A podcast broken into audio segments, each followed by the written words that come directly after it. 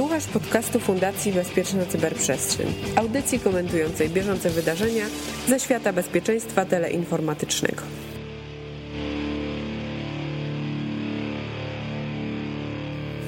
Spotykamy się co dwa tygodnie, a to zdecydowanie za rzadko, żeby choć zahaczyć o najciekawsze tematy związane z cyberbezpieczeństwem. Dlatego dziś postanowiliśmy porozmawiać o kilku rzeczach. Błędach w popularnym sprzęcie, problemach z utrzymaniem prywatności, nawet gdy używamy sieci Tor, e, wiarygodności DNS-ów. Przed mikrofonami Łukasz Jachowicz, Mirek Maj, a przed Tobą 55. odcinek podcastu Cyber Cyber.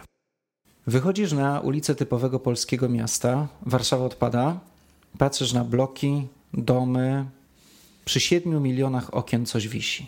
Co to jest? No ja wiem, o czym chcesz rozmawiać.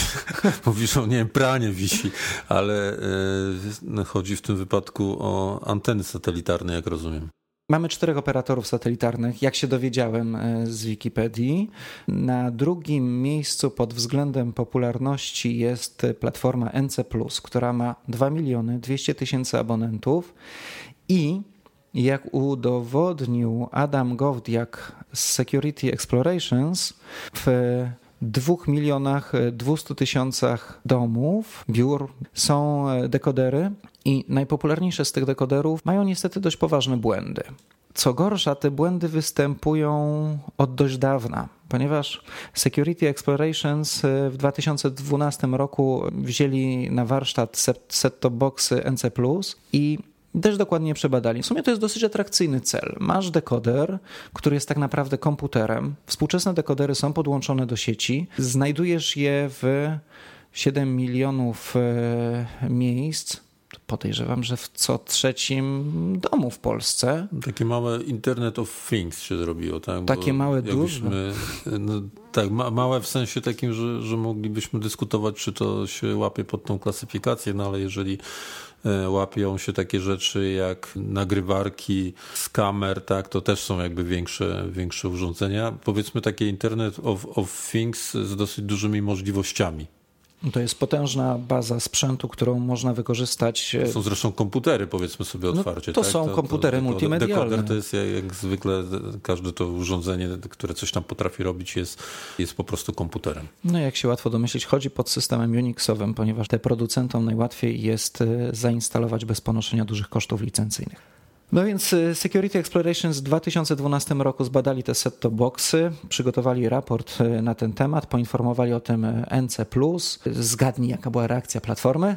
Ja czytałem te, to ciekawe nawet są, ciekawa lektura z 2012 roku, gdzie zdaje się, że tematem zainteresował się takie pismo Kurier Sat, e, jak łatwo się domyślić, zajmujący się różnymi zagadnieniami związanymi z telewizją satelitarną, które e, właśnie opublikowało artykuł na ten temat, opublikowało to, co uważa e, Security Explorations i również opublikowało później informacje od właścicieli platformy NC+. Ja nawet nie pamiętam, czy ona dokładnie też wtedy tak się nazywała, ale mniejsza o to. Dzisiaj się na, pe na pewno nazywa NC, która nie widziało e, kłopotu. No oczywiście tam przy okazji zapewniając o tym, że wszystko bierze pod uwagę i jest to ciągły proces e, na, naprawiania, bardzo dynamiczny, w którym dużo się dzieje i my cały czas to poprawiamy.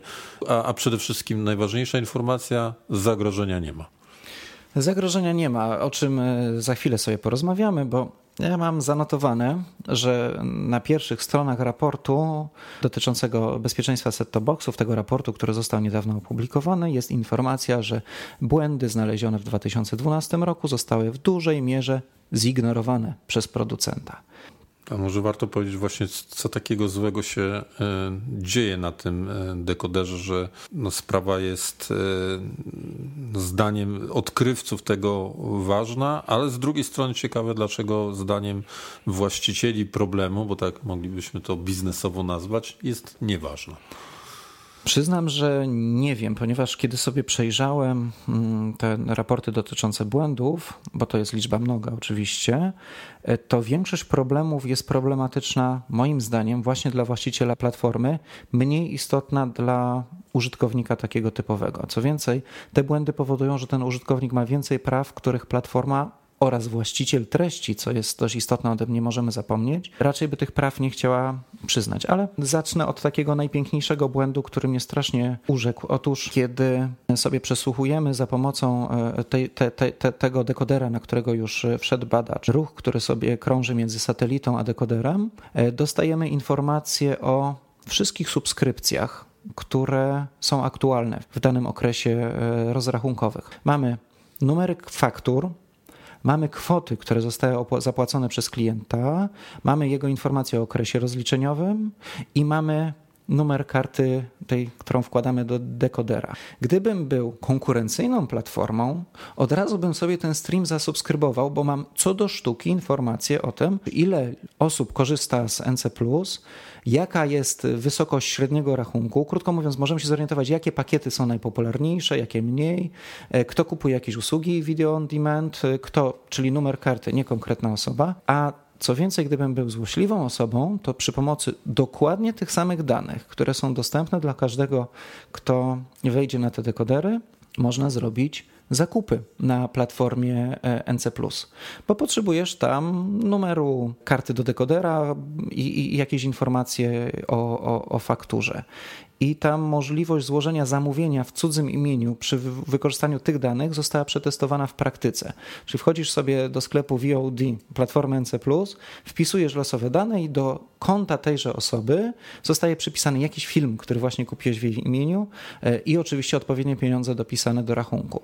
Także podejrzewam, że tylko brak świadomości ludzi, którzy mają niecne zamiary, y, czy, czy, czy, czy po prostu lubią głupie dowcipy, nie spowodował tego, że, że mamy jakiś wielki atak na tych wszystkich klientów, którym dopisano po, po, po tym samym filmie do rachunku. Być może się to teraz zmieni, ponieważ z powodu braku jakiejkolwiek reakcji NC, Security Explorations opublikowało pełen komplet informacji pozwalający na przeprowadzenie dowolnego ataku na, na te dekodery.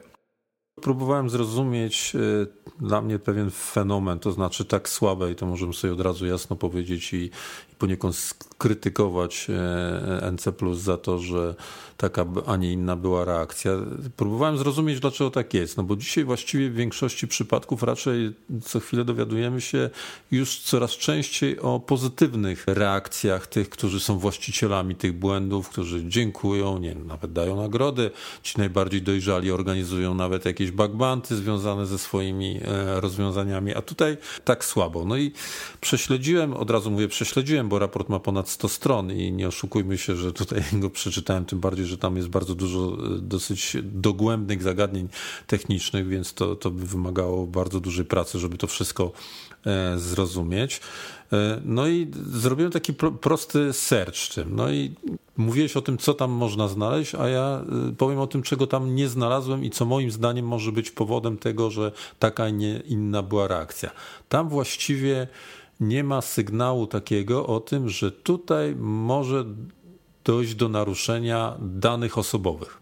No bo zastanówmy się, co dzisiaj staje się zagrożeniem dla, dla firm, dla właścicieli różnych, różnych rozwiązań. To, że ktoś powie im, tutaj naruszane są, tutaj RODO, tak? Tutaj RODO, jak hasło RODO wystąpi, no to czerwona e, lampka się zapali. Druga rzecz, której Y, tam nie ma, no to takie informacje, oprócz tej jednej, o której powiedziałeś, tak, że można wykonać zakupy na, na czyjeś konto, to właściwie tam zagrożeń, poważnych zagrożeń finansowych również y, nie widzimy. I tu się z Tobą nie zgodzę. Y, ale nie zgodzę się dlatego, że ja przez naście lat zajmowałem się kwestiami związanymi z DRM-ami, z prawem autorskim i jednym z największych problemów dla wytwórców treści, nie dla dystrybutorów, dla wytwórców treści jest ich obawa, strach, że ktoś wyciągnie sygnał e, w najwyższej jakości i zacznie go dystrybuować. E, w internecie czy nie w internecie. Oczywiście wiadomo, że wszyscy to robią, ale zobacz, jak masz skonstruowane współczesne urządzenia. Jeżeli do urządzenia odtwarzającego płyty Blu-ray w najwyższej jakości, Full HD i tak dalej, niecertyfikowanym kablem HDMI podepniesz niecertyfikowany telewizor HD, czyli najwyższej jakości, to, to, to odtwarzacz tych Blu-rayów zredukuje ci jakość filmu, za który zapłaciłeś, żebyś przypadkiem y, nie podłączył jakiejś dziwnej nagrywarki, która ten obraz potem pozwoli wyciągnąć do internetu. Tymczasem jeden z błędów występujących w dekoderach pozwala nie dość, że dostać e, dostęp do czystego streamu e, najwyższej jakości HD, i streamu telewizyjnego, i streamu tych filmów video on demand, y, to jeszcze można ominąć system watermarkowania, ponieważ watermarkowanie ma miejsce w dekoderze, nie w sygnale satelitarnym, co znaczy, że można go anonimowo zgrać w najwyższej istniejącej jakości i wypuścić na rynek. Przecież gdyby twórcy treści się zorientowali, że NC Plus od lat ignoruje tego typu problem, to podejrzewam, że NC Plus y, i problemy z RODO byłyby, podejrzewam, że problemy z RODO byłoby najmniejszym problemem NC. No i tu posłużę się Twoim cytatem, i tu się z Tobą nie zgodzę. Dlaczego? Dla, dlatego, że e, no właściwie to wszystko, co mówisz, to brzmi bardzo prawdziwie i też bym powiedział, no rzeczywiście, tak, jak, jak ci wszyscy właściciele tego się o tym dowiedzą, no to dopiero będzie. Tylko na czym polega problem? Że ci właściciele zostali poinformowani przez odkrywców tych e, błędów. Jakie były reakcje ich? No to też e, można zajrzeć i zobaczyć. Jest rozdział taki dotyczący powiadamiania i e, różnych właśnie platform, tak? właścicieli platform satelitarnych, ale również właścicieli treści, takich jak HBO. No, no z HBO to już w ogóle był, najprawdopodobniej to z jakiejś pomyłki po ich stronie wyniknęło, ale oni właściwie podesłali zwrotnie nie tyle ostrzeżenie, to takie powiadamianie, że, że ich polityka, no ja bym to nawet nazwał antyspamowa, mówi o tym, że oni sobie nie życzą w ogóle takich, takich informacji. Ja przypuszczam, że to oczywiście gdzieś ktoś po prostu nie zrozumiał, albo nawet z defaulta, może za, z automatu poszła jakaś informacja, ale już pomijając tą konkretną informację od HBO, chociaż bardzo, bardzo istotnego e, gracza, E, który zdaje się, że na tej platformie no się tam odnotowano według tego, że może być w ten sposób nieuprawniony dostęp do, do ponad 9 tysięcy pozycji filmowych, tak, no to, no to jakaś olbrzymia, olbrzymia liczba, to właściwie ta cała reakcja no jest bardzo smutna, bo tam w, w, co prawda tam było dwa tygodnie na odpowiedź. Ja bym aż takim optymistą e, jak Security Explorations e, nie był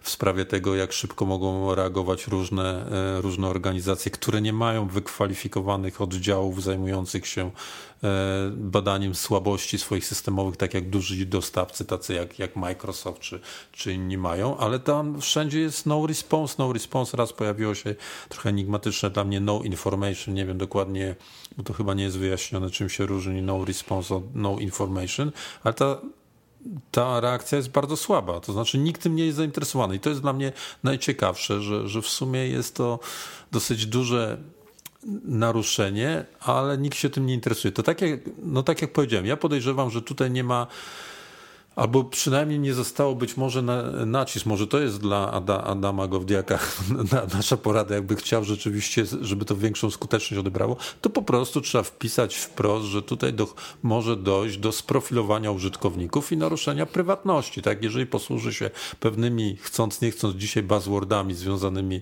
e, z tym, co, czym naprawdę się inni przejmują, to po prostu taki będzie efekt. Troszeczkę dlatego, że oni się tym nie, nie przejmują rzeczywiście, a troszeczkę dlatego, że oni sami nie rozumieją być może tego zagrożenia. Może trzeba tymi buzzwordami im to wyjaśnić, do czego tu e, może dojść. Ja podejrzewam, że mm, NC Plus być może teraz zareaguje, bo w związku z tym, że po raz kolejny nie było żadnych reakcji, jak słusznie Może słuchają nasz uwagę. podcast oczywiście. E, tak, po, po, po, pozdrawiamy e, warszawskie duże biuro na Stegnach chyba. Taki duży budynek z antenami na dachu. Bardzo ładnie w nocy wygląda. Podejrzewam, że teraz może się coś ruszyć, ponieważ e, oprócz raportu e, Security Explorations opublikowało kilka tygodni po opublikowaniu raportu e, zestaw wykorzystywanych przez siebie narzędzi. W taki sposób, żeby oni również mogli sprawdzić, czy ich dekodery są podatne i te narzędzia ten framework, który został opublikowany, może zostać wykorzystany jak każde narzędzie do sprawdzenia, czy jesteśmy bezpieczni, czy jesteśmy podatni, ale też może trafić w ręce ludzi, którzy będą chcieli go wykorzystywać po to, żeby szybko zgrać sobie pełen e, dostęp do, do wszystkich treści zrzucanych przez NC, e, zablokować aktualizację swoich dekoderów, bo i taka możliwość jest, w taki sposób, żeby błędy w nich nie mogły być automatycznie naprawione e, i stworzyć sobie po prostu maszynerię do automatycznego, darmowego wyciągania informacji prosto z sygnału satelitarnego i wrzucania ich gdzieś do internetu. Oby tak było. Z drugiej strony. Yy... Oby tak było, żeby tak zrobili, czy oby tak było, że NC Plus w końcu się tak, ruszy? Znaczy, oby, oby tak było, że NC Plus się ruszy i oby się nie ruszyło w taki sposób, który też byłby moim zdaniem wynikiem niedojrzałości, a który w przeszłości się zdarzał, że potraktowane to zostanie w sposób agresywny. Tak? To znaczy, gdzieś po, pojawią się pewne zarzuty natury prawnej o, o tym, że ktoś e, działa na, na rzecz naruszenia praw, tak? czy, czy być może nawet e, podpowiada, jak, e, jak dokonać przestępstwa. Tak? I ponieważ wiadomo, że, że niedojrzałe, agresywne działanie tych, którzy nie potrafią sobie poradzić i źle obsługują, to często się tak kończą. Także nagle zostaje po prostu sytuacja, eskaluje do nieprzyjemnej sytuacji, pojawia się dział prawny i mówi: O nie, to teraz tutaj piszemy po prostu już e, pismo, które, z, z którym za chwilę być może pojawimy się e, w sądzie wszyscy. No, przy czym I... oczywiście od razu podpowiedzmy działowi prawnemu NC, że za, te, zwykle tego typu próby ataku ataku kończą się fatalnie dla tych, którzy próbują je wykorzystywać, ponieważ NC Plus wtedy z kogoś, kto, kto popełnił błąd, ale się do niego przyznaje i, i się z niego wycofuje i naprawia, staje się no, chłopcem do bicia i obiektem ataku już nie tylko lokalnie w Polsce, ale, ale tego typu rzeczy są wyciągane no globalnie. Tak, to, to oczywiście nie, za, nie zachęcamy NC Plus do takiego działania byłoby, tak jak ja tu co chwilę używam słowa, niedojrzałe. Świat e, obsługi, znaczy, to się nazywa odpowiedzialnego zarządzania słabościami systemowymi już dawno po prostu e, nad tym prze, minął ten etap. Tak? Nikt, nikt tego rozsądny e, nie robi. To, co należy rozsądnie robić, to współpracować z e, odkrywcami tego typu błędów, a przede wszystkim zajmować się, rzeczywiście zajmować się bezpieczeństwem swoich rozwiązań. Przyznam, że jako NC Plus zatrudniłbym Adama do przeprowadzania testów swoich urządzeń ja kolejnego na, Ja na ten temat nie będę się wypowiadał, bo nie wiem, czy to nie było intencją i, i, i, i e, to już jest kwestia między Adamem a. E, Myślę, że 6 lat by nie czekał na zatrudnienie. Wydaje się, że trochę narasta ostatnio sytuacja e, wokół bezpieczeństwa DNS-u. E, Czyli to... moim zdaniem najważniejszej usługi internetu, o której mało kto wie najważniejszej dla takiego zwykłego użytkownika, tak, o którym mało e, kto wie, chociaż korzysta z niej e, codziennie, czyli nie musi wpisywać tych magicznych cyferek po prostu, których nikt nie pamięta, a, a wpisuje dowolną nazwę, którą, e, która gdzieś mu jest znana albo ktoś mu podpowiada.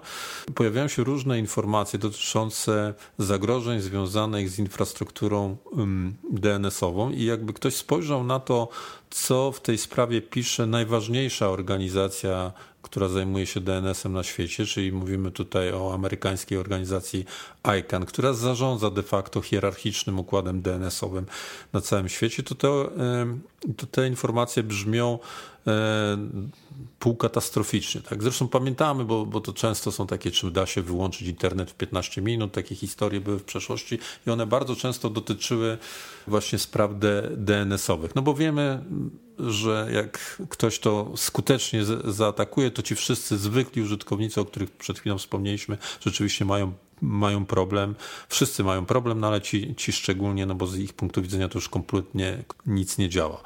Jeśli wczytać się, znaczy ja bym powiedział tak, nie jest aż tak katastroficznie, żeby tutaj e, sięgać po, e, po archiwalne artykuły, czy da się zrobić internetowy per harbor albo w te 15 minut wyłączyć internet. Z drugiej strony rzeczywiście coś jest na rzeczy, bo jak wczytać się w te różne doniesienia, to zdaje się, że narasta taka fala i jest wiele, wiele przypadków, wykorzystywania różnych słabości DNS-owych, bo DNS, jak każdy inny protokół w internecie, możemy zawsze przypominać o tym, że nie został stworzony po to, żeby był bezpieczny, tak jak internet nie został stworzony i, dlatego między innymi możemy sobie co tydzień nagrywać ten podcast.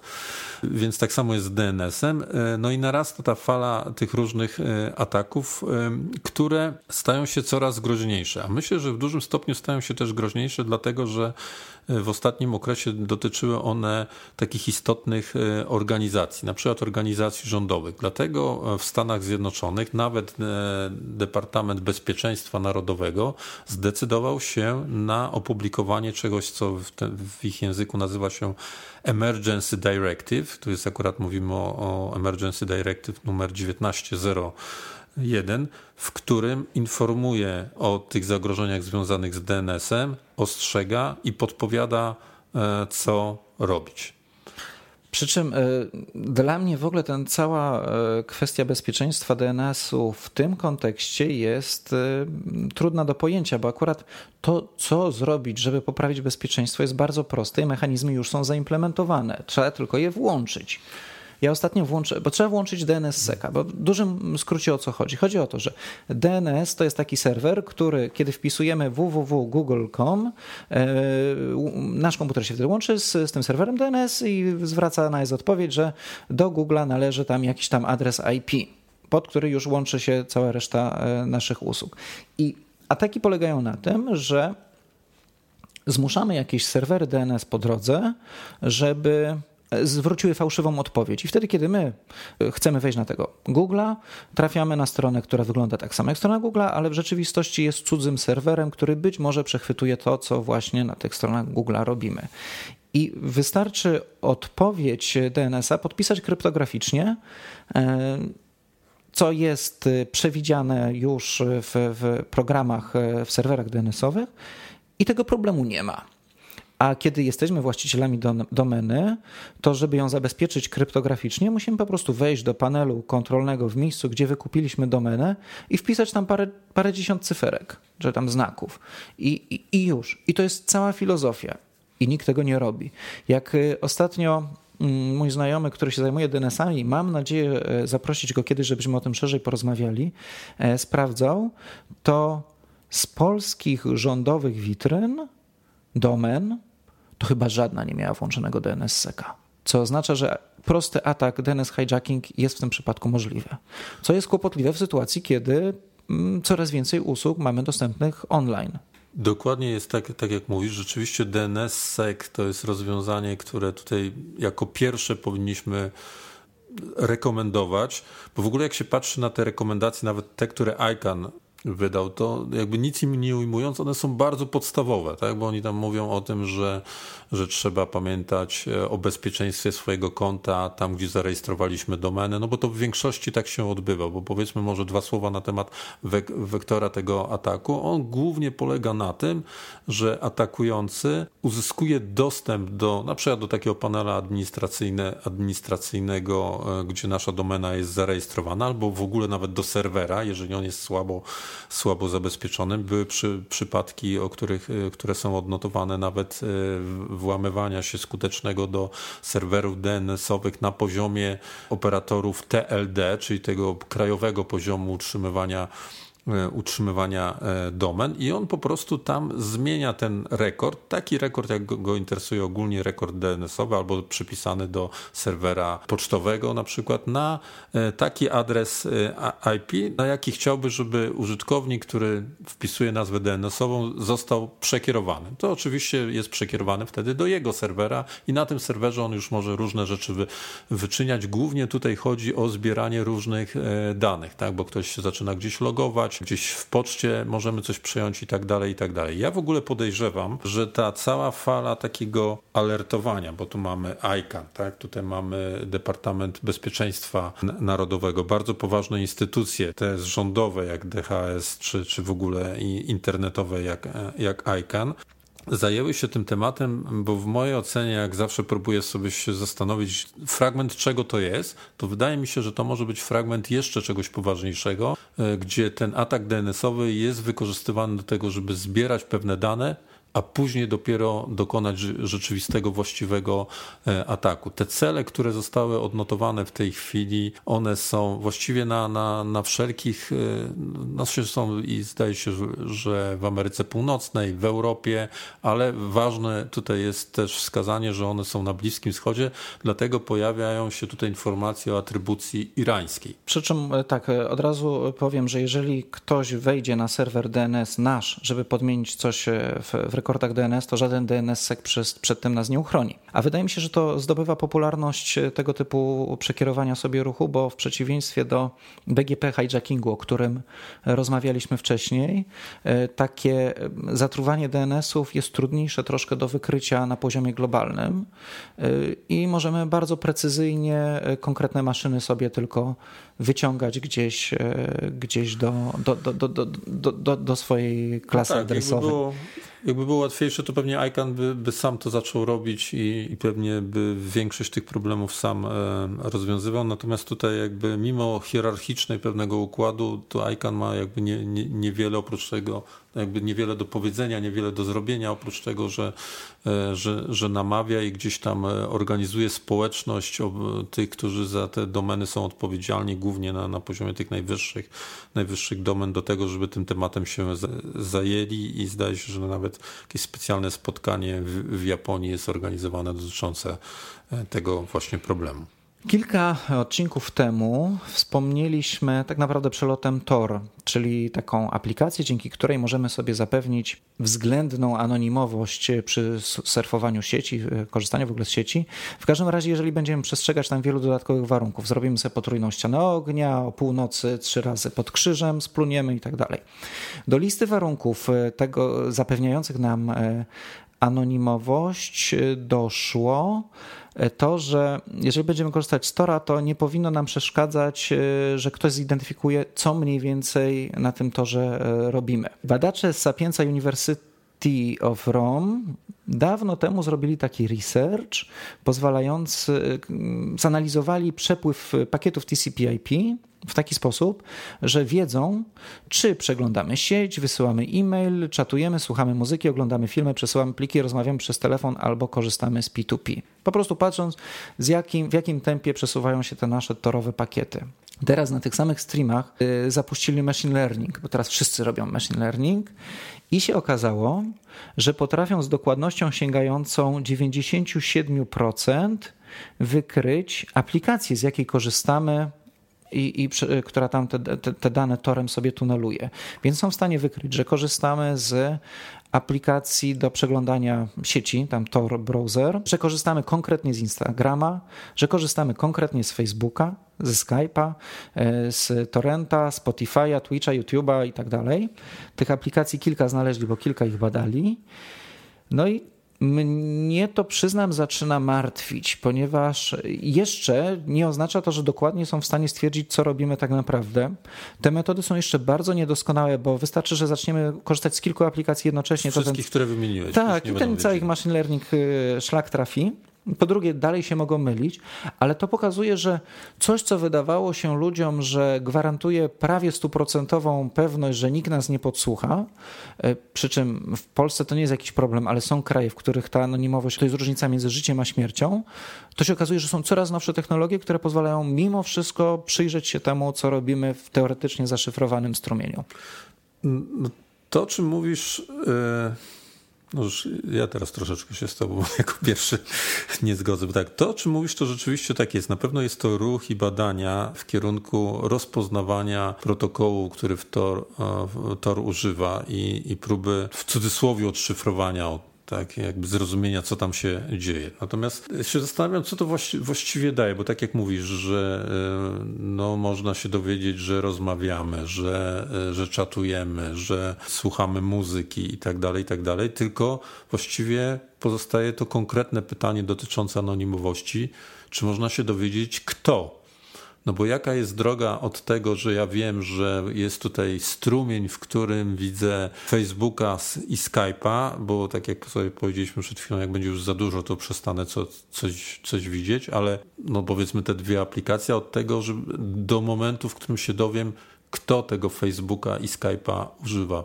I zdaje się, jeżeli dobrze rozumiem, chociaż mogłem coś ominąć, to jeszcze tutaj tej, tej prostej odpowiedzi, jak to zrobić, nie ma. Zgadza się, nie ma.